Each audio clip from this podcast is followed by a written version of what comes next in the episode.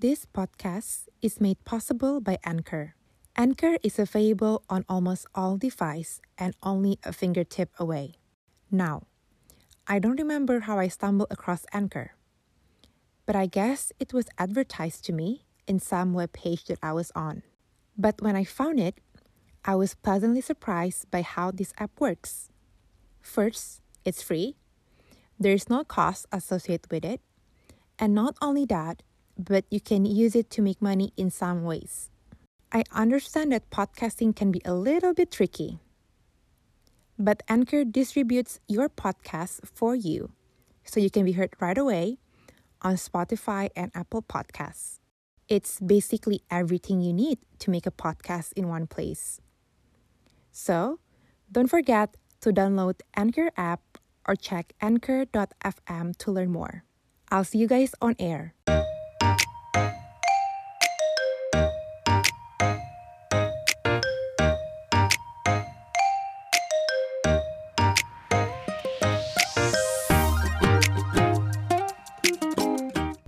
Claudia, and this is Unmute Podcast. We're on this unmute zone together. Every other week, we'll unmute some of the uncommon thoughts about failures and life experiences. Listen up and let the brain sparks begin. Enjoy the ride.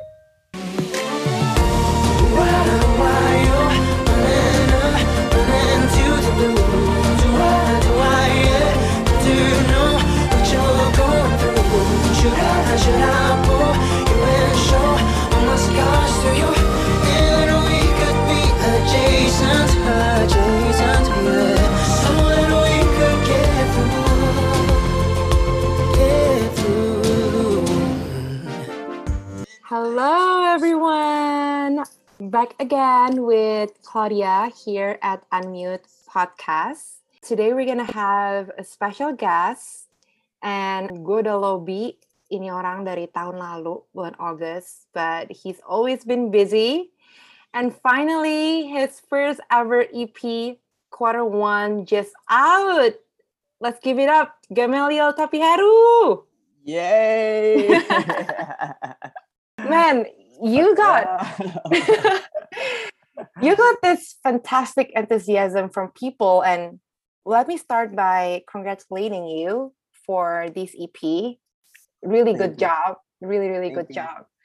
And um actually i kind of wonder and i want to start this conversation by asking if you could summarize kayak one or three words lah. What does it feels like to be you right now oh, I know this first EP you got very personal to you. um, I might say unpredictable. That's Mm. number one. but then again, I feel relieved, Relieved. That's And a good like, word. peace somehow, you know, in a way. Peace from what? Like peace because you pretty much say it all in this EP, or you you feel relieved because it's finally done. Apa ya, waktu bikin lagu ini tuh ada ada kedamaian tersendiri gitu loh yang aku rasain. Karena istilahnya waktu aku mau memutuskan untuk solo, Mhm. itu kan musiknya tuh awalnya aku masih belum jelas nih karena maksudnya roots aku kan R&B kan. Iya. ketika aku solo tuh awalnya konsepnya wah pengen bikin yang R&B nih, pengen bikin yang seperti ini, yang bikin joget, yang bikin seru penonton apa segala macam. Cuman lama-lama maunya makin banyak nih, pengen ini ah kayaknya seru kalau gini, kayaknya seru kalau gini. Pokoknya Mhm. selalu mikirnya fokusnya adalah bukan untuk diri aku sendiri dan kebahagiaan aku gitu loh somehow in a way. Jadi Hmm. waktu aku akhirnya tersadar itu aku kayak wait wait wait wait. Bentar. Bentar, Gamal. Coba coba coba. Yang Gamal bener-bener mau apa ayo gitu kan. Hmm. Aku kayak "Hmm, apa ya yang bener-bener Gamal mau. Terus aku jadi merenung gitu dalam kamar, terus aku langsung bertanya, apa yang Gamal beneran Gamal doang aja yang mau? Coba nggak usah pikirin eh, orang lain akan gimana gitu. Gamal Mhm. dulu aja, apa yang bikin Gamal seneng. Mhm. Aku nggak tahu. Aku kayak, Oh man, wow. I feel you. A- Aku la- aku langsung kayak kaget gitu karena, damn, I've been living for people this I don't know how many how many time gitu kan. Hmm. How long it's been. Akhirnya jadi kedalaman kayak, wah oke dalam 10 tahun berkarir bersama GAC aku selalu hidup maksudnya berusaha menyenangkan semuanya gitu kan, Iya. cari jalan tengahnya. Habis itu dalam keluarga juga gitu, gitu kan. Aku Mmm. aku benar-benar melakukan tanggung jawab aku bikin keluarga senang dan aku sampai akhirnya lupa gimana cara bikin diri aku sendiri senang gitu loh. Aku kayak Mmm, iya iya. langsung, oh my god. Lu tulang Aku punggung keluarga ya, sekarang? Enggak, aku anak Oke. ketiga sebenarnya. Oh, oke oke Jadi oke. Ina is my big sister, she's my big sister. What? Iya. Oh my god, I just knew that. Oh my god, oke. Wow. Gitu, jadi aku anak ketiga, tapi itulah jadi kedalaman, jadi aku berasa udah selalu setiap saat hidup buat orang lain tanpa sadar. Dan nggak mendengarkan apa yang aku sebenarnya inginkan atau apa yang bikin aku bahagia gitu. Hah. Jadi akhirnya waktu aku ada di fase itu, aku berusaha, eee, nanya. Akhirnya aku ketemu satu foto aku nyanyi pertama kali, jadi Mmm. kelas 3 SD gitu, aku lihat foto itu, ya ampun, Iye. Aku ada panggilan kecilnya namanya Iye. Mhm. Liel sebenarnya, cuma dulu aku nggak bisa ngomong L, jadi kayak Oh. Iye Iye gitu. Jadi akhirnya dipanggilnya Iye. Nah, si Liel ini atau Gamaliel kecil ini, aku lihat foto itu terus aku bilang, "Ya ampun, pasti Iye nggak nyangka ya, gedenya akan punya platform kayak gini, bisa sharing musik karyanya dia Mmm. sendiri ke orang-orang," gitu kan. Dan akhirnya aku bertanya sama foto itu, aku bertanya sama Iye, "Hmm, kira-kira Iye kalau dapat kesempatan bikin lagu atau album mau dibikin kayak apa ya, Iye?" Gitu. "Coba maunya kayak Mmm. apa?" Gitu kan. Akhirnya aku kayak ha had this conversation with my inner child Iya. in a way. Terus, Jadi terjadilah pertikaian ternyata di situ. Akhirnya, eee, malah jadi forevermore gitu kan, yang istilahnya Iya, tahun lalu. eee, terjadi apa ya, kekecewaan karena ternyata ketika ngobrol sama Iye ini, Iye itu sema semacam menyatakan, eee, apa, unek-uneknya bahwa, "Lo siapa? Mmm. Gila, I don't know you," gitu. "Gue bahkan nggak kenal lo siapa." Wow. Dan setelah saat itu aku langsung kayak, "Oh my god, I'm so sorry for ignoring you," gitu kan. Hah. Udah aku udah nggak tahu berapa lama ngelupain dan nggak mendengarkan Iye gitu, mendengarkan apa yang dia mau, apa yang bikin dia senang gitu. Mmm. Akhirnya pas di solo journey ini aku langsung bilang, "Oke," mmm, aku kumpulin semua lagu-lagu yang aku dengerin pada pas aku kecil, pas aku SD dan Mhm. awal-awal SMP gitu. Aku deng aku kumpulin, aku bikin playlist dan waktu aku dengerin, aku merasakan itu tadi aku bilang, kedamaian yang aku nggak bisa jelasin gitu loh. Karena Mmm. lagu-lagunya tuh cukup absurd gitu, ada yang instrumental, ada yang klasik, ada yang apa, tapi semuanya bikin aku senang dan bikin aku damai, somehow. Padahal lagunya nggak semuanya tenang gitu, ada yang ya dinamis dan Mhm. dramatis gitu. Iya. Cuman be eee, aku dengerin lagu-lagu itu aku mendapatkan kedamaian dan aku langsung kayak, "Aku mau ada kedamaian ini di lagu-lagu aku," gitu. Aku mau ada Oh. ada feeling ini, emotion ini di EP aku gitu kan. Mhm. Dan akhirnya aku sampein ke music producer aku, aku kasih denger dengeran aku waktu aku kecil dan segala macam, dan waktu perjalanan bikin lagu-lagunya tuh aku kaget sendiri gitu, karena kayak, wow, kayak ini rasanya damai banget, tapi bukan tipe lagu aku sama sekali sih kalau aku berkarir gitu, Mmm. selama aku berkarir. Iya.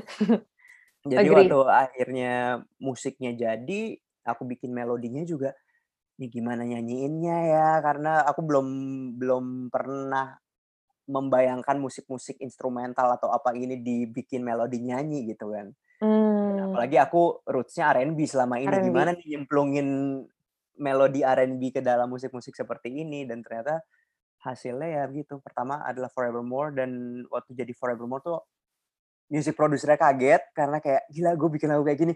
Aku pun kaget kayak, "Gila bisa jadi kayak gini ya?" Gitu. Tapi ketika kayak kita nggak mengkotakkan, eee, ya kan, nggak nggak mem-put walls tentang apa, dari apa yang kita buat atau apa pun yang bisa apa yang bisa terjadi, tercipta, itu Mhm. kita terkejut terkejut aja sendiri sama karyanya itu gitu dan Mhm.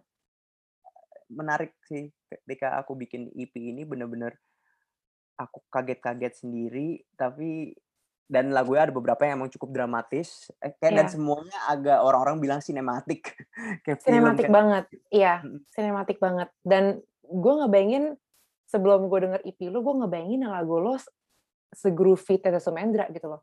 Ngerti gak sih? R&B yang right. kayak I want you love. Yang kayak groovy groovy gitu. Gue ngebayanginnya gitu. Terus pas gue denger yang Forevermore kayak oh, hold on. Ini beneran Gamaliel atau musik dari Rusia atau dari baru mana?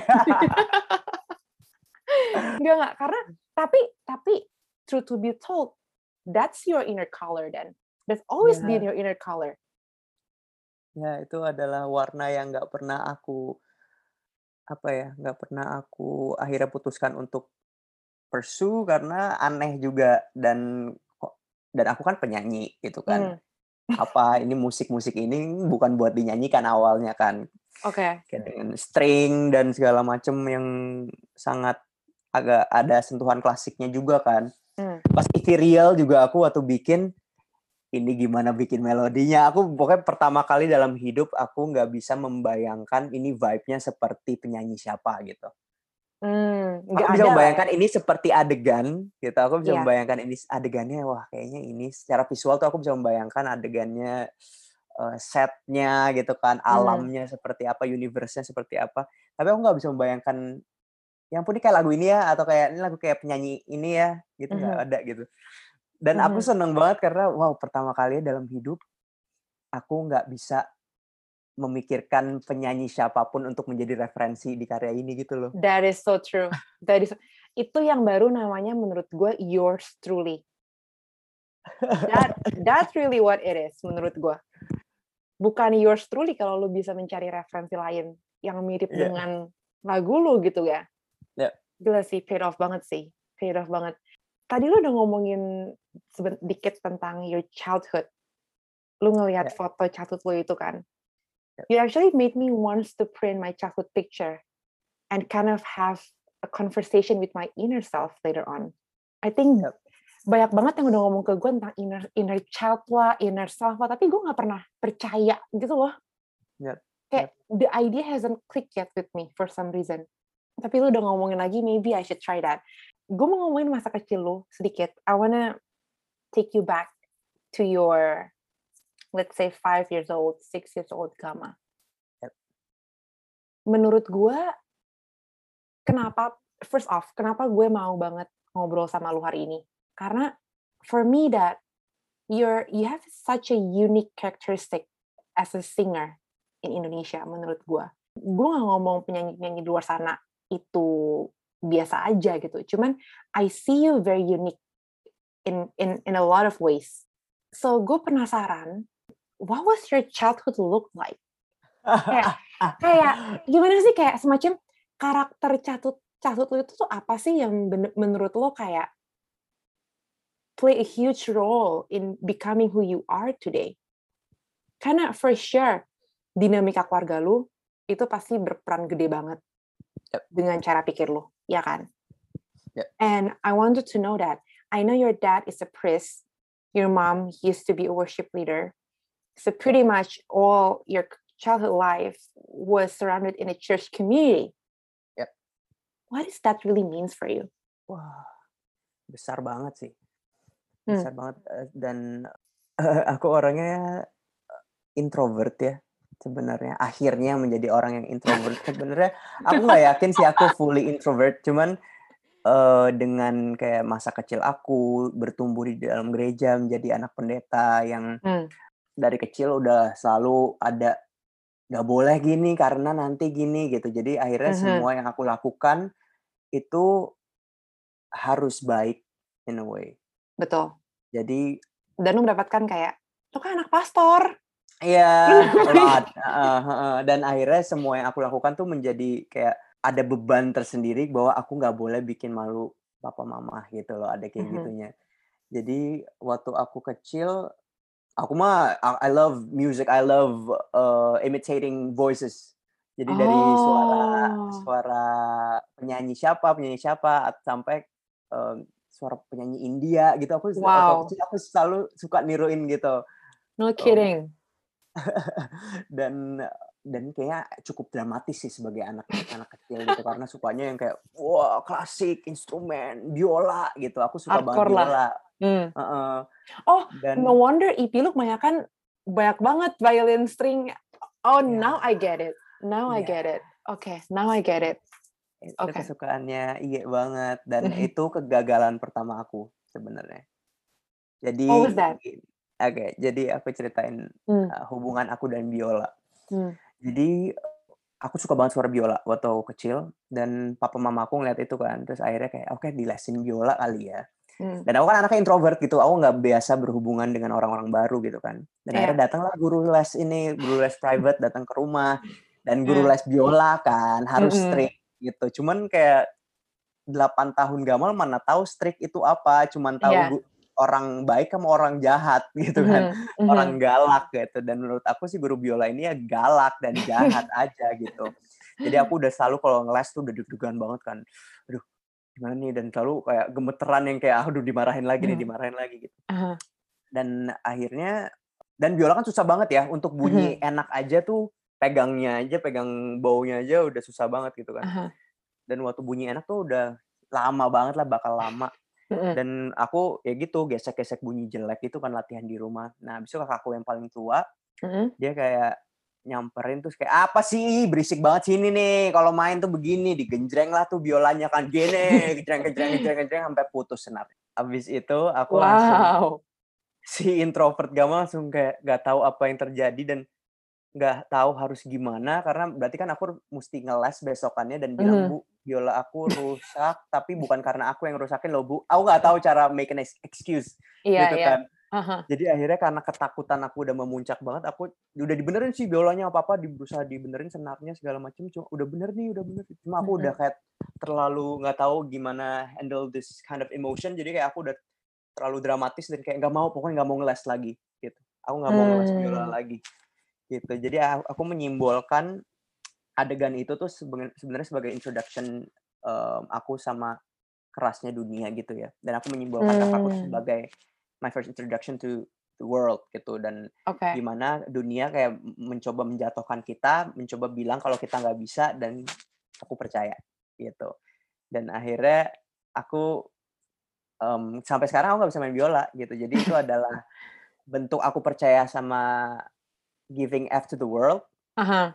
Gitu kan dan biola itu adalah kegagalan pertama aku dalam hidup dan akhirnya aku di Man. EP ini aku bilang kayak ini EP-nya buat Gamal buat Gamaliel buat Iye kecil Mhm. dan eh, aku emang nggak bisa main biola sekarang Gamaliel besar nggak bisa main biola cuma bukan berarti kesukaannya Iye dan biola-biola bagus nggak bisa ada di lagu-lagunya dia gitu Oh, yeah. Oh my God. I just knew that you're such a deep thinker. Man, you're think hard. Lu tuh pasti yang kayak tipe-tipe yang kayak, Merrick aduh Merrick lu tipe-tipe yang kayak di kamar, matiin lampu, pakai lampu yang tembak warna-warni kecil gitu. Terus pasang deep, lofi song di Spotify. Oh my Iya. God. So, answer me again tadi. What was your childhood look like growing up with your family, with Tapi Ya. Heru? begitu aku emang dari kecil berbeda sama teman-teman lainnya sih maksudnya aku suka ada di duniaku sendiri dan em, makanya sukanya dulu tuh aku sebenarnya suka gambar banget atau SD Hmm. aku suka gambar dan mungkin nggak tahu the idea of making your own craft is and you know kayak somehow membuat dunia lo sendiri itu menyenangkan buat aku Iya. makanya sekarang aku ketemu itu di dalam musik gitu kan Mhm. cuman em, lagi gitu di teman-teman di sekolahku pada umumnya ya nggak gitu gitu kan mereka ya Iya. ya main bola main tak umpet gitu kan yang aku suka main cuman ketika udah eh, sesuatu yang pendidikan dan apa aku cuman kayak ya udah ngerjain aja Mhm.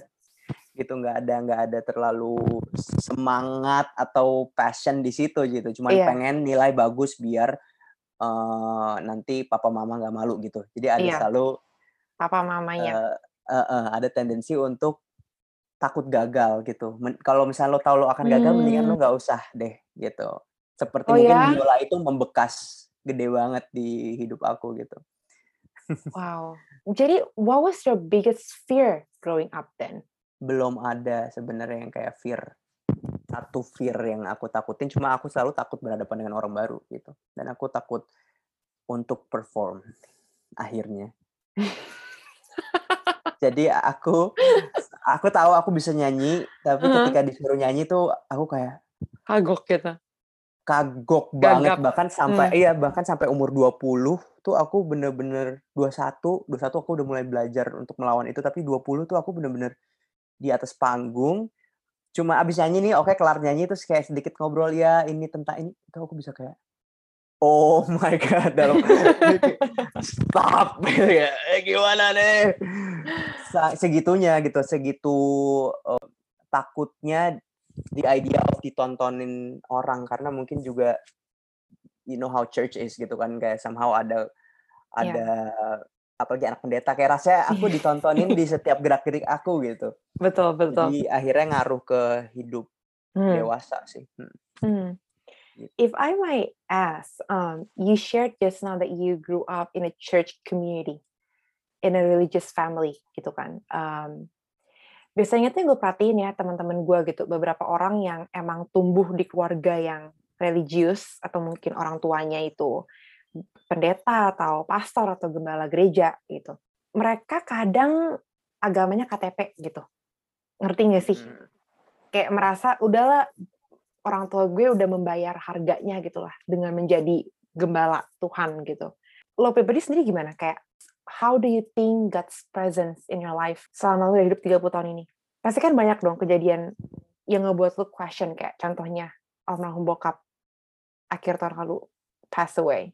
Though I know that lu sekeluarga itu kuat sekali mana dengan Tuhan dan lu percaya itu part of His plan.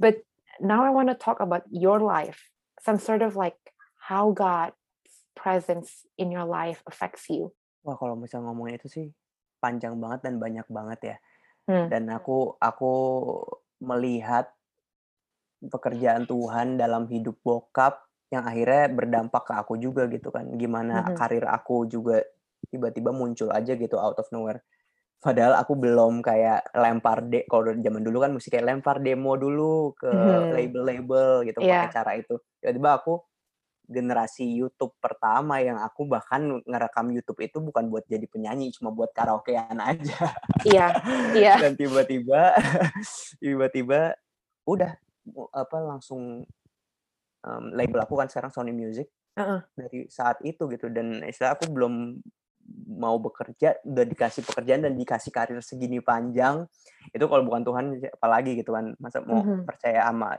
luck aja gitu kan kayak lebih besar Exactly. itu. Mm. Exactly. dan em, aku ngerti sih sebenarnya gimana banyak anak pendeta atau apa yang akhirnya ujungnya jadi agamanya KTP gitu karena sebenarnya emang jadi pendeta itu juga nggak susah kan eh nggak susah sorry Nggak gampang. gampang, heeh. Hmm. jadi pendeta itu nggak gampang dan harus berjalan kan somehow omongan eh, apa khotbahnya Sama khotbah perilaku. dia sama, sama perilaku hari-harinya gitu. Jadi mungkin sementara kita lupa gitu bahwa pendeta-pendeta ini juga manusia gitu kan.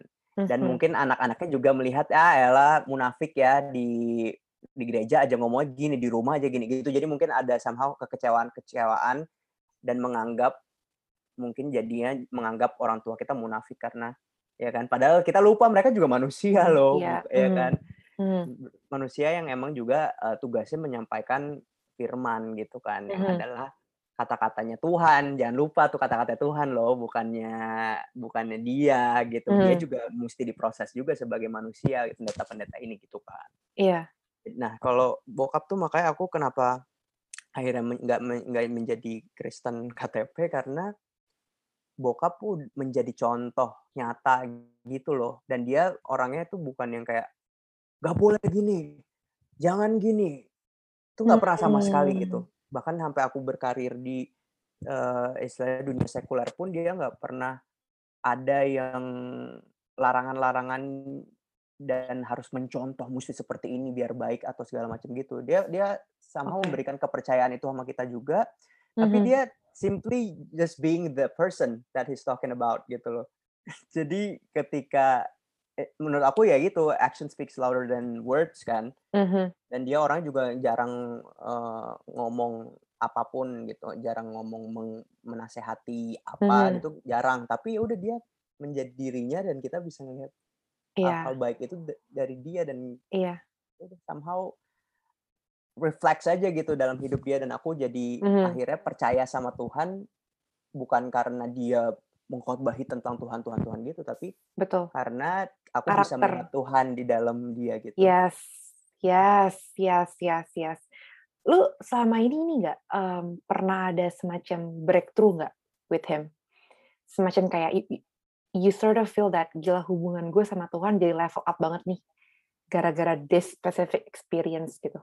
nggak ada sih Hmm. selalu dari dari kecil emang eh, apa sebenarnya gitu dari banyak dari adegan-adegan gitu sih salah satunya adalah adegan eh, bokap meninggal gitu yang aku mungkin awalnya wow nggak nyangka kok gini ya gitu bertanya-tanya tapi akhirnya sekarang aku setelah eh, melihat mengumpulkan puzzle-nya gitu aku bisa Mhm. lihat wah ini emang God's plan banget ya gitu bahkan untuk nganterin eh, bokap pulang aja tuh kita diberikan waktu 9 bulan bersama di rumah gitu kan jadi Oh, karena kalau enggak pasti dia sibuk ngajar aku sibuk kerja gitu manggung. kan. Mm-mm. Ya atau nongkrong gitu kan di mana aku menganggap rumah cuma tempat tidur doang. Tapi ketika pandemi ini kita dikasih waktu setiap hari bersama dia gitu dan aku aku bener-bener mensyukuri pandemi ini. Blessings gitu. in disguise, indeed. iya. Gitu dan bokap pun waktu meninggal itu paginya masih di rumah jadi waktu siang baru dibawa ke rumah sakit dan meninggal gitu jadi Aha. sampai hari meninggalnya pun kita ada di situ buat nemenin dia dan aku Mhm.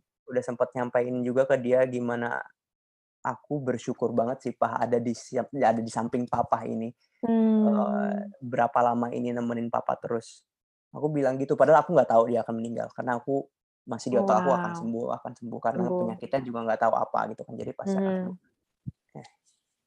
Ternyata Yeah. Okay. So then, would you ever consider yourself an underdog? gimana tuh An dalam underdog apa dalam dunia berkarir ini. Tadi kan lu bilang bahwa kayak semacam Tuhan membukakan jalan langsung. Nih, jalan buat lu. ya Lu jalan aja lurus terus gitu kan. Ntar di jalanan gue kasih hint-hint lagi untuk for you to go to the next destination. ya Saat lu ngomong gitu, lu merasa nggak diri lu itu semacam underdog untuk bisa get to this point? wow. Gimana ya? Susah ya pertanyaannya. Maksudnya aku belum pernah memikirkan ini banget sih. Aha. cuman aku percaya sama rencana Tuhan sih gitu. Jadi pasti eh, semua adegan dalam hidupku baik itu baik atau enggak itu pasti ada tujuannya gitu. Dan eh, dan sekarang aku bisa ada di sini nge-share musik aku yang sekarang pasti ada tujuannya gitu ada ada aku bilang project ini kan sebenarnya project egois tapi ternyata banyak banget dapat komen lagu-lagu ini s- Resonate. menyelamatkan mereka gitu loh. Iya. bahkan kayak menjadi waktu itu aku sempat paling terharu ada yang bilang lagu aku menjadi intro dia eh, pergi ke psikolog gitu dan aku kayak Benar. heeh, kayak wow Wow. project egois ini ternyata punya apa namanya bisa membawa hal-hal baik banget bagi beberapa orang bahkan gitu kan. Jadi menurut aku sih itu bukan lagi aku sih. Hmm. bukan lagi cuman oh iya cie punya lagu bagus bukan bukan karena kemampuan aku nulis gitu. Emang itu sesuatu yang istilah aku muncul penulisan itu kan juga dari pemikiran dan dari pengalaman hidup yang istilahnya sedikit demi sedikit di dibukakan dan diarahkan sama Tuhan gitu jadi Gila. mungkin eh, eh, jadi lebih purpose-nya tuh lebih besar dari yang even aku tahu Lu gitu pikirkan. Iya, Mm-mm. betul. Terus sekarang nih yang kayak just look at you now in the present moment. Lu udah bisa membuat your own name Gamaliel Takeru gitu. Gue tau lu per- pernah ada di tour I I call this detour karena lu dulu UMN, graphic design, terus lu jadi musisi gitu kan. God knows what happened in between. Dari lu graphic design jadi musisi ya. Maybe tadi yang lu bilang lu suka gambar, jadi lu graphic design dulu, terus lu ke musik. It's always been your life call gitu loh for for just so long. What was your thought process waktu itu, Gam? Apa yang terlintas dalam pikiran lu gitu di saat lu udah punya nama lu sendiri nih and people know you as Gamaliel tapi Heru bukan anaknya pendeta bukan GAC bukan whatsoever what went through your mind aku sebenarnya ya udahlah ya diomongin aja aku hmm. sebenarnya di uh, apa namanya stage name aku kan sekarang Gamaliel ya hmm. Pakai um, E-nya yang gini kan? E iya, Gamaliel. Iya, iya. Jadi um, dulu aku emang terkenalnya Gamal Audrey gitu kan. Iya. di waktu di YouTube tuh Gamal Gamal and Audrey gitu, Gamaliel dan Audrey. Habis mm -hmm. itu jadi GAC, jadi Gamal GAC gitu kan. Dan ketika iya harganya berubah-ubah. Pertama tuh Gamal YouTube. Gamal YouTube, habis itu Gamal Audrey, habis itu Gamal GAC, Gamal GAC. Mm-hmm. Nah, ketika aku mau solo tuh aku akhirnya bilang enggak sih aku mau Gamaliel aja gitu. Bukannya aku mendiskredit Tapi Heru dan bokap dan apa, cuman menurut aku George Tapi Heru is a big name dan dia udah yeah. make his own life gitu, make his own name yes. dan udah ter uh, bukan beban juga, cuman emang his his own person dan aku pengen kayak Gamaliel just being Gamaliel aja tanpa embel-embel kayak oh KPR oh anaknya ini gitu kan. Oke. Okay. Jadi akhirnya aku memutuskan tuh kayak oke okay, Gamaliel aja gitu. Mm-hmm. Dan prosesnya peperangan proses batinnya gimana tuh dengan aku, mental health lo? Ya aku sih emang tapi bersyukur banget ada di keluarga yang selalu suportif dan gak pernah kayak yang tadi eh aku belum sempat bilang ya pokoknya nggak pernah memaksakan harus seperti ini harus sukses seperti ini apa segala macam nggak ada gitu nggak harus memaksakan jadi pendeta even gitu kan mm. jadi emang selalu uh, apa namanya bokap dan nyokap selalu bilang percaya sama panggilan Tuhan gitu semua orang punya panggilannya oh. masing-masing dan like bahkan that. bahkan bisa bisa dipakai di uh, hidup kamu bisa berguna dan bisa dipakai Tuhan di di sekuler gitu loh, nggak harus cuma di gereja aja. Gam, gue mau nanya deh. Uh, kok gue mau jadi panel gam ya kayak permen karet.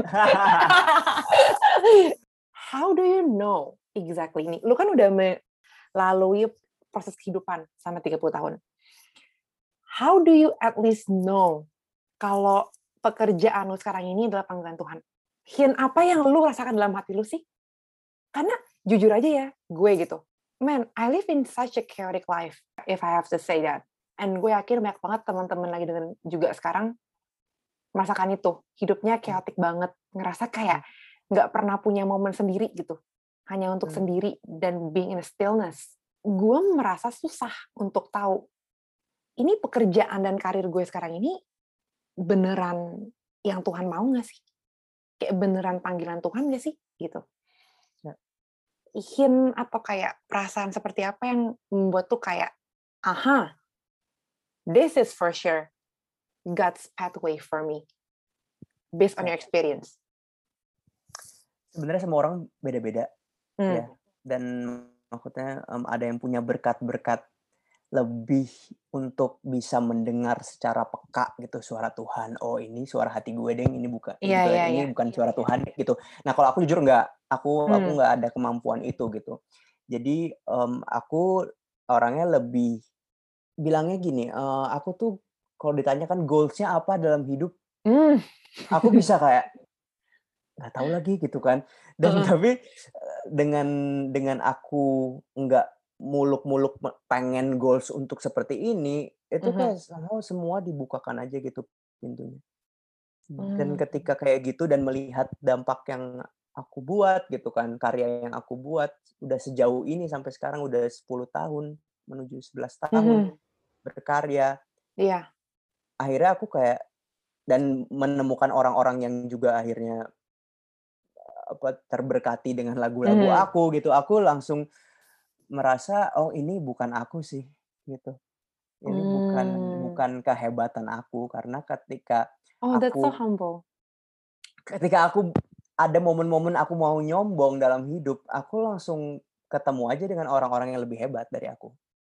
Dan dan Mmm. ketika aku melihat orang-orang lebih hebat kayak, "Eh, ya udah malu juga cuma manusia pada ujungnya, nggak usah sok jadi berasa" biasa kan manusia kan ketika mendapatkan apa, oh sukses apa segala macam, langsung bisa ada tendensi untuk sombong dan merasa ini gue, hasil Iya. kerja keras gue. Padahal kita lupa gitu yang memberikan nafas dan istilahnya lu dibikin sarafnya error dikit lu udah nggak bisa ngapa-ngapain. Mhm. Se Iya. se apa namanya Se-fragile itu. oh ya se-fragile itu dan akhirnya sekarang apa yang aku bisa lihat dalam hidupku yaitu emang udah pekerjaannya Tuhan aja.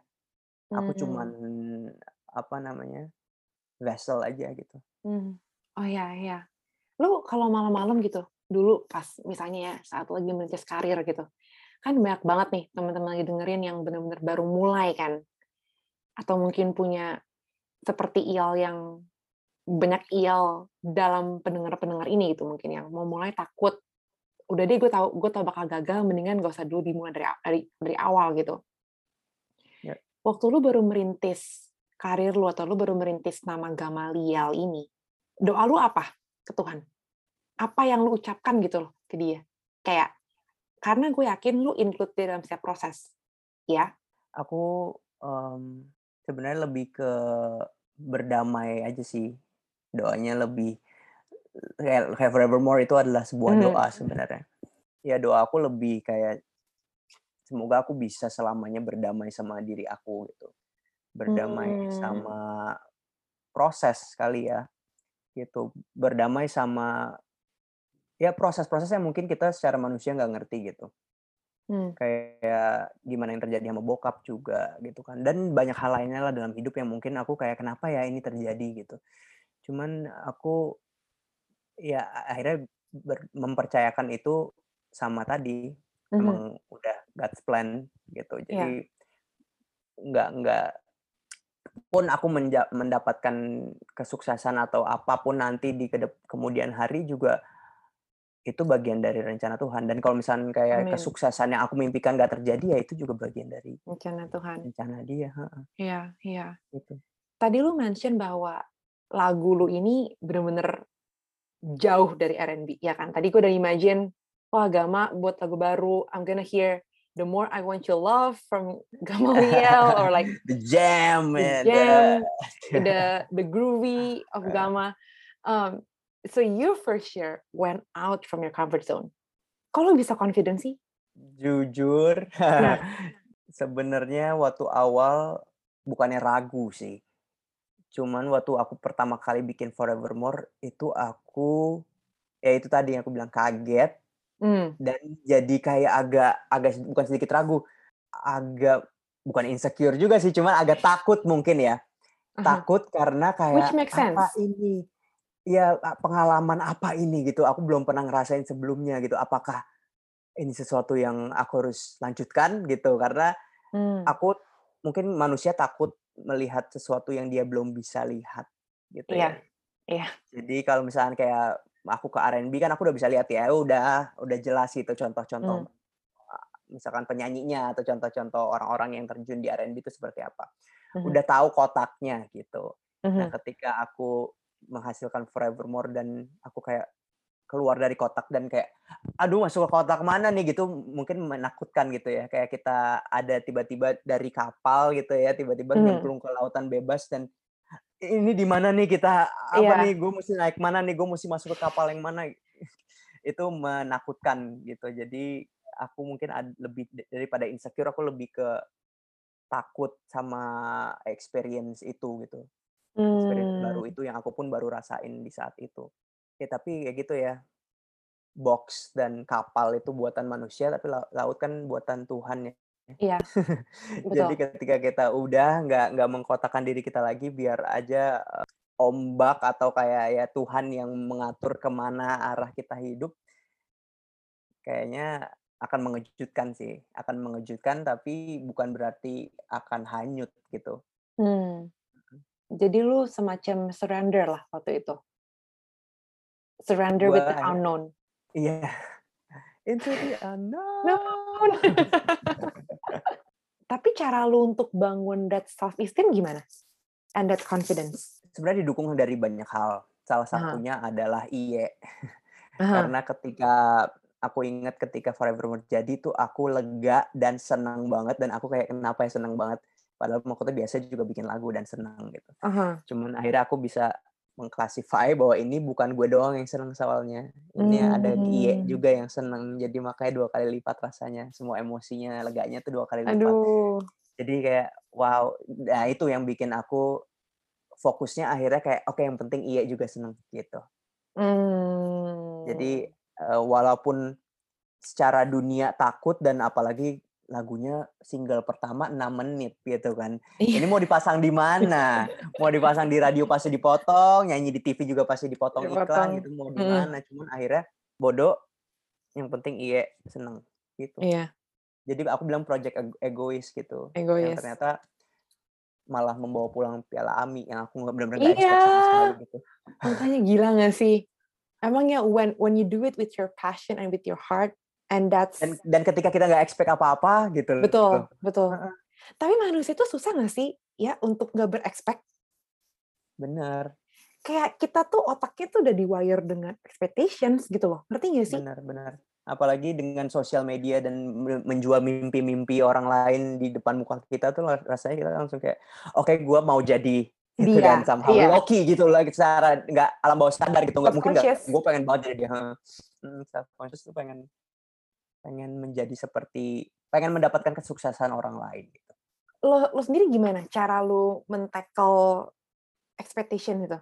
bokap selalu bilang eh, jangan berharap sama manusia dia bilang gitu Hmm. berharaplah sama Tuhan karena ketika ekspektasi ya manusia pasti berekspektasi ya karena apalagi kalau kita udah berusaha gitu pasti kan pengen mendapatkan hasil gitu kan Iya. Cuma aku di aku untung di dalam keluarga tuh emang semuanya orangnya tuh bekerja keras aja gitu emang berusaha dan nggak takut gagal gitu maksudnya kalau gagal terjadi ya udah emang harus terjadi gitu loh jadi Hmm. di satu sisi ketika aku pun antar ada kegagalan-kegagalan dalam hidup aku nggak menyalahkan diri aku dan nggak mempertanyakan kualitas aku sebagai manusia gitu Iya. Jadi aku udah bisa menerima mungkin belajar dari biola itu ya Biola, bahwa kayak mhm. kegagalan itu bukan sesuatu yang harus disedihkan gitu bahkan ternyata 30 tahun kemudian kegagalan ternyata sesuatu yang bisa dirayakan To celebrate exactly. Iya. Heeh. Gitu. Man, I wonder what is your biggest dream? sebenarnya kayak yang tadi aku bilang ya Lu pingin main biola? Lu masih pingin main pengen. Juga masih pengen banget cuman nggak tahu kapan nih waktunya bisa belajar biola dan kayak udah agak telat ini apa namanya kalau udah tua kan apa lebih susah ya untuk meng, men- me- apa namanya meresapi lagu-lagu mendapat Iya, pelajaran-pelajaran baru tuh agak eh, eh, Hmm. cuman mungkin mimpi aku sekarang ya aku aku nggak bisa bilang ini terbesar atau apa pun. Iya. cuman aku sebenarnya pengen banget berguna untuk generasi penerus gitu karena aku Hmm. maksudnya generasi penerus musisi dan kawan-kawan gitu karena aku em, udah belajar banyak lah dari karir aku dan gimana ada di industri ada di uh, label gitu kan segala macam aku sebenarnya dan aku melihat talent Indonesia tuh kayak yang tadi kita sempat bahas talent Indonesia tuh banyak banget ya bener-bener Hmm. Do you think it's a good quality talent? It is, but menurut aku sistem sesuatu yang struktural, manajemen apa itu nggak belum bagus gitu loh, nggak rapih yang akhirnya Hmm. dan maksudnya untuk orang lain bekerja sama dengan memutuskan untuk kerja sama sama artis Indonesia itu kan butuh bukan cuma artisnya doang yang bagus ya kan, butuh timnya bener gak, Iya. secara hitam di atas putihnya rapih nggak apa segala Mm-mm. macam gitu kan Mm-mm. pertanggungan jawaban eh, pertanggungan jawabnya juga ada gak gitu atau cuma nyediain talent yang bisa nyanyi doang gitu kan karena Mm-mm. penyanyi ya banyak ya di dunia ini gitu kan. Cuman maksudnya waktu aku ngeliat talent-talent teman-teman aku di Indonesia itu kayak bagus-bagus banget lagi banyak banget yang bahkan penyanyi sini lebih bagus dari penyanyi-penyanyi luar tuh banyak cuman emang mindset wow. masyarakat Indonesia tuh udah kayak ya ah, orang Indonesia doang gitu kan ya lokal doang mm-hmm. gitu loh jadi akhirnya bukan kualitas artisnya yang menjatuhkan karir mereka tapi orang-orang di sekitarnya yang menganggap kita hanya ya. orang Indonesia gitu yang yang seolah nggak boleh bermimpi lebih tinggi dari orang bule gitu kan ya ampun jahat banget nggak nggak nggak blunt gitu maksudnya nggak iya. belak belakan cuman Some ada sort tuh of, ya yeah, komen-komen yeah, yeah. yang yang gitulah aku sih aku udah nggak peduli sama komen segala macam cuman um, banyak banget aku ketika ngeliat-liat komen kayak gitu di teman-teman aku itu aku uh-uh. cuman kayak sedih dan kayak ya lo sekarang gini deh aku nanya gitu sekarang gini menurut lo dia bagus atau enggak gitu lo suka sama karyanya atau enggak itu aja uh-uh. menurut gue kekerenan atau talent seseorang tuh enggak enggak ngaruh dari validasi orang bule atau apa gitu.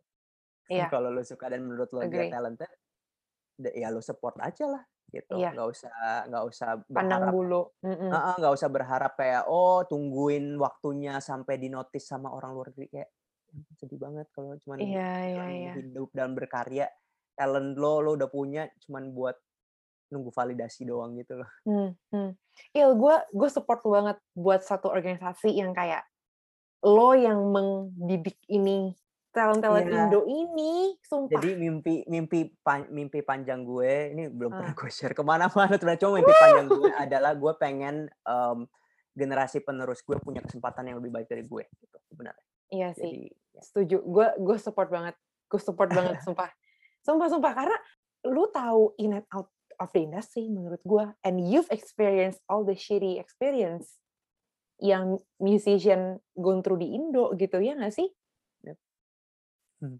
Man, so what what else you want from this life?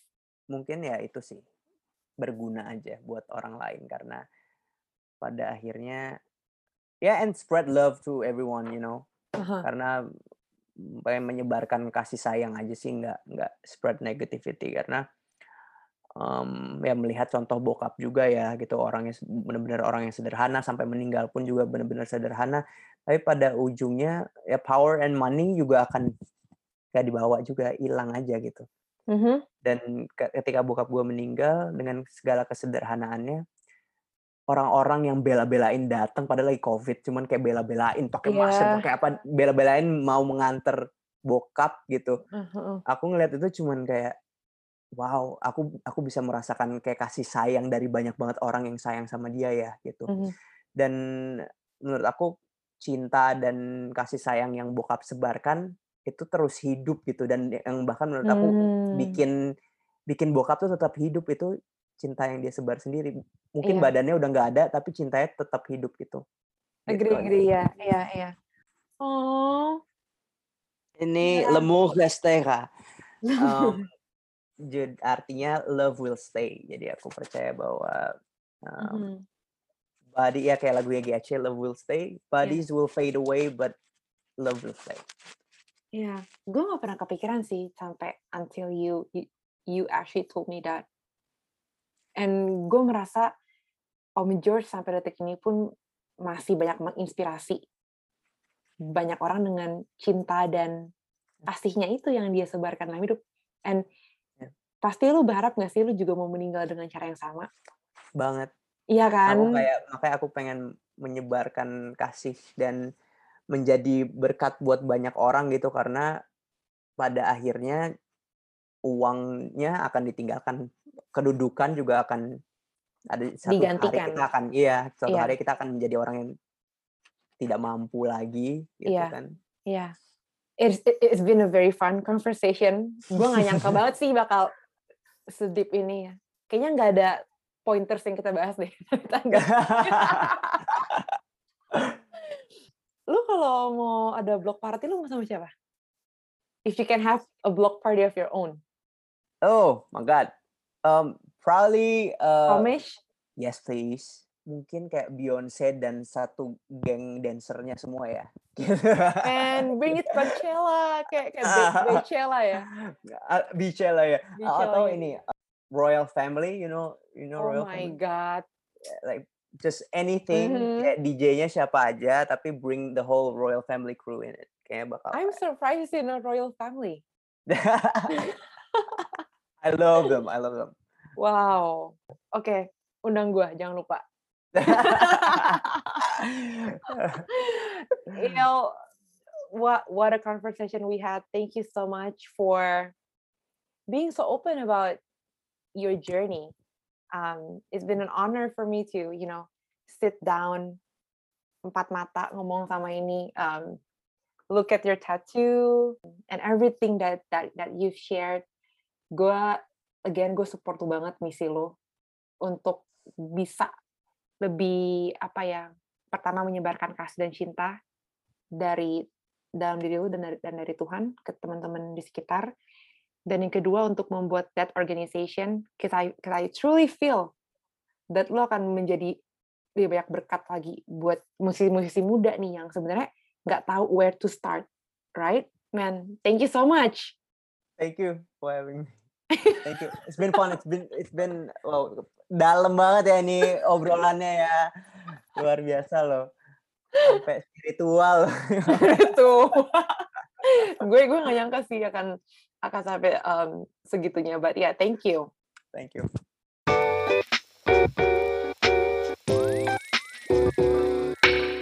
Thank you all for listening to this Unmute episode. Don't forget to follow this channel and share it with your friends too. And also, feel free to hit me up on Instagram at Claudia H. Johan. Unmute Podcast. Let the brain sparks begin. See you.